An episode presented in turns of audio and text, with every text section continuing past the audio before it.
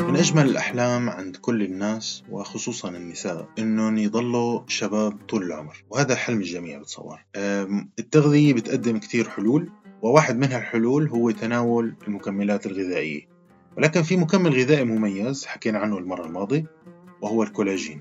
اليوم رح نحكي عنه بالتفصيل أكثر من ناحية إنه يعني is it worth it? يعني الواحد يروح يشتري حبوب كولاجين أو بودرة ويضيفها هيك كل يوم لطبخاته أو أكلاته؟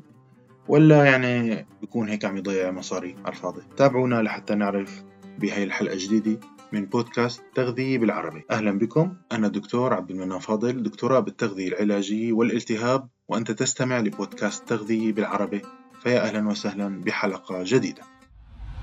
هذا البودكاست بالتعاون مع بودلاينز يا هلا.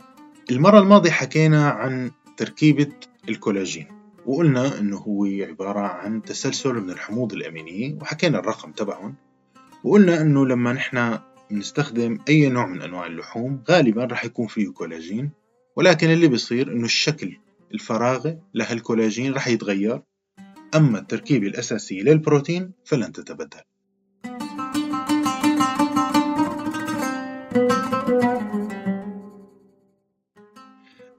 موضوع الكولاجين في كتيرين بيشجعوا إنه الواحد يروح ويتناول حبوب من الكولاجين أو مثلا powder ويضيفوا مثلا على ما بعرف ال corn flakes أو على اللبن مع الزبادي مع يعني خلطات عجيبة. الهدف منها إنه عزز تصنيع الكولاجين جوا الجسم.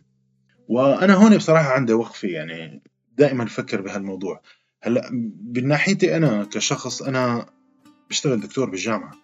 ودكتور بالجامعة يعني ما إنه أنا بروح بقرا كتاب ودرس الطلاب أنا بشتغل ببريطانيا. وببريطانيا نحن إذا ما بنعمل أبحاث وما بنشتغل بالمخبر وما بنروح ونشتغل على أمراض وعلى بشر وعلى حيوانات بيقلعونا بصراحة. ف... فيعني يعني ملزم أخاك لا بطل. فلازم لازم نفوت ونشتغل بالمخبر. فأحد الأشياء اللي بنشتغلها أنا ولهلأ يعني بستمتع فيها كتير وهي جزء أساسي من الأبحاث اللي أنا بعملها هي موضوع الهضم وخصوصا يعني هضم البروتينات وهضم الكربوهيدرات والدهون. فأنا بشتغل على يعني هضم تبع البروتينات بشكل أساسي وأحد الأشياء اللي بنهضمها هي الكولاجين. فنحن بنجيب الكولاجين المتوفر حاليا آه، بشكل كبسولات أو باودر وبنروح وبنحاول إنه نهضمه وسط مشابه تماما للي بيصير جوا جسم البشر. فبنهضمه بالفم وبالمعدة وبالأمعاء. الفكرة هون بقى إنه نحن لما بنهضم الكولاجين أو أي بروتين بصير إنه الكولاجين هون وقتها فعلا بيتحطم. يعني ما قلنا نحن إنه هو بيتكون من عدد هائل من الأحماض الأمينية. هون بقى لما بنهضم الكولاجين بيتفككوا هالأحماض الأمينية. يعني بكون عندنا مثلا تخيل إنه هو سلسلة من الأحماض الأمينية يعني حمض أميني مربوط بحمض ثاني مربوط بحمض ثالث بحمض رابع وهكذا. طويلة جدا. اللي بيصير جوا الجسم بعملية الهضم إنه نحن بنجيب مقص ومنقصقص بهالحمض الأمينية. فبينفصل حمض أميني عن حمض أميني عن حمض أميني وهكذا. ليش بقى؟ لأنه نحن عنا الجسم في هيك حاجز بينه وبين العالم الخارجي. يعني في نحن جوا الجسم يلي هو الدم وخارج الجسم يلي هو كل شيء خارجه. يعني الهواء اللي برا. الأمعاء حتى أنا شخصيا بعتبرها أنه خارج الجسم لأنه لسه ما فاتت لسه لجوا الدم. وفعليا اللي بيصير لما نحن بنحطم الكولاجين وبصير في عنا حموض أمينية هيك مفصولة هاي الحموض الأمينية رح تفوت وتدخل لجوا الدم. يعني بدها تصير حموض أمينية عم تسبح وتمشي بالدم. وهذا شيء ممتاز وظريف.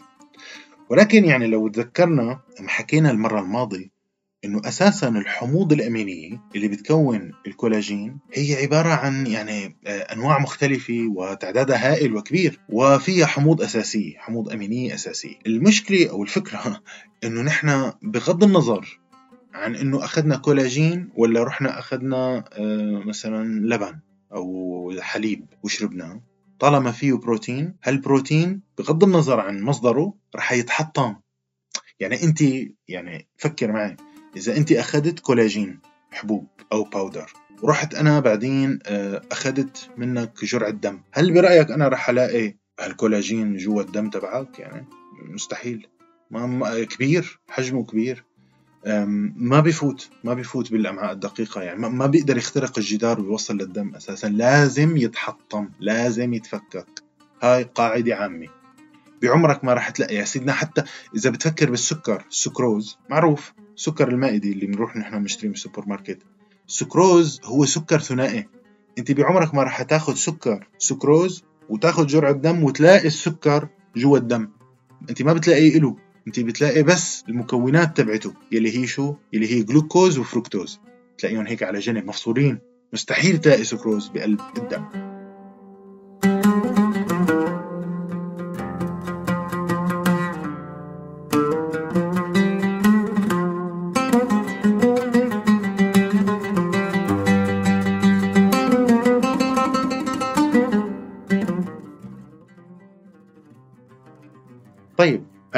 بعض الأشخاص ممكن يطرح فكرة تانية. ممكن يقول إنه كولاجين هو بروتين ونحن بجسمنا بنصنع بروتين وبنصنع كولاجين. فليش ما يكون اللي عم ناخده من المكملات الغذائية ككولاجين هو عم يساعدنا بتصنيع الكولاجين جوا الجسم. وهنا يعني بنفكر هيك بشكل عميق وبنقول إنه هذا بصير مثل واحد آه، مع سكري نوع أول. وهو بحاجة إنه ياخد أنسولين بشكل يومي والأنسولين مثل ما بنعرف هو بروتين أصلا. فتخيل معي إنه واحد ياخد الأنسولين شرب ويوصل هالأنسولين للمعدة بعدين للأمعاء الدقيقة ويتحطم خلص يرجع لأصله لحموض أمينية. وبعدين قال بقى يفوت لجوا الدم وبعدين ما بعرف هيك كيف إنه بده يرجع يتشكل بروتين أنسولين مثل ما كان بشكل طبيعي. نحن نأمل إنه هذا الشيء يصير. هلا بصراحة في أبحاث عم نشتغل عليها اللي هي بسموها ال protein self assembly بس يعني في جوا الجسم وفي برا الجسم بس بس بس يعني هاي ال protein self assembly بتعني إنه فعليا نقدر نحن آه، بالمخبر لحد الآن إنه نحن نصنع بروتينات مثل ما كانت. ولكن هاي يعني لسه بدها بتصور عشرات السنين لحتى تصير. فالفكرة إذا تم تطبيقها بشكل فعلي إنه الإنسولين أو الكولاجين أو أي بروتين نحن بناخده بيفوت على جوا الدم بعد ما يتحطم لأصله لحموض أمينية ويتم إعادة تشكيله كما كان.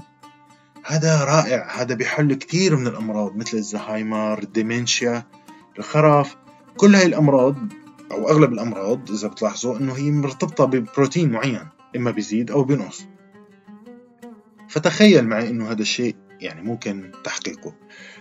بهذا التاريخ لحد هاللحظة لا نستطيع فعل ذلك داخل الجسم البشري. ولكن بالمستقبل ما بتعرف ممكن جدا إنه نحن نقدر نروح نشتري كولاجين مكمل غذائي و- وهذا الشيء يحفز تصنيع الكولاجين جوا جسمنا.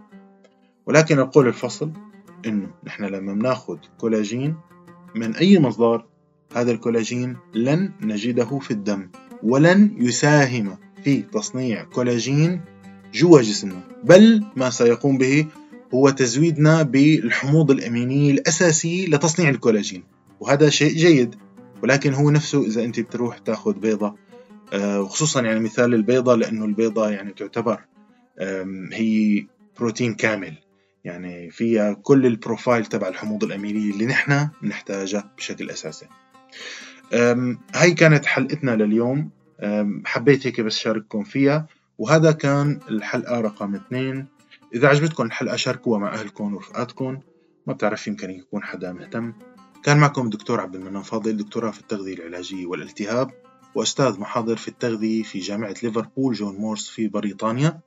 كنت تستمع لبودكاست تغذية بالعربي. نلقاكم على خير. إن شاء الله. والسلام عليكم ورحمة الله وبركاته. Thank you.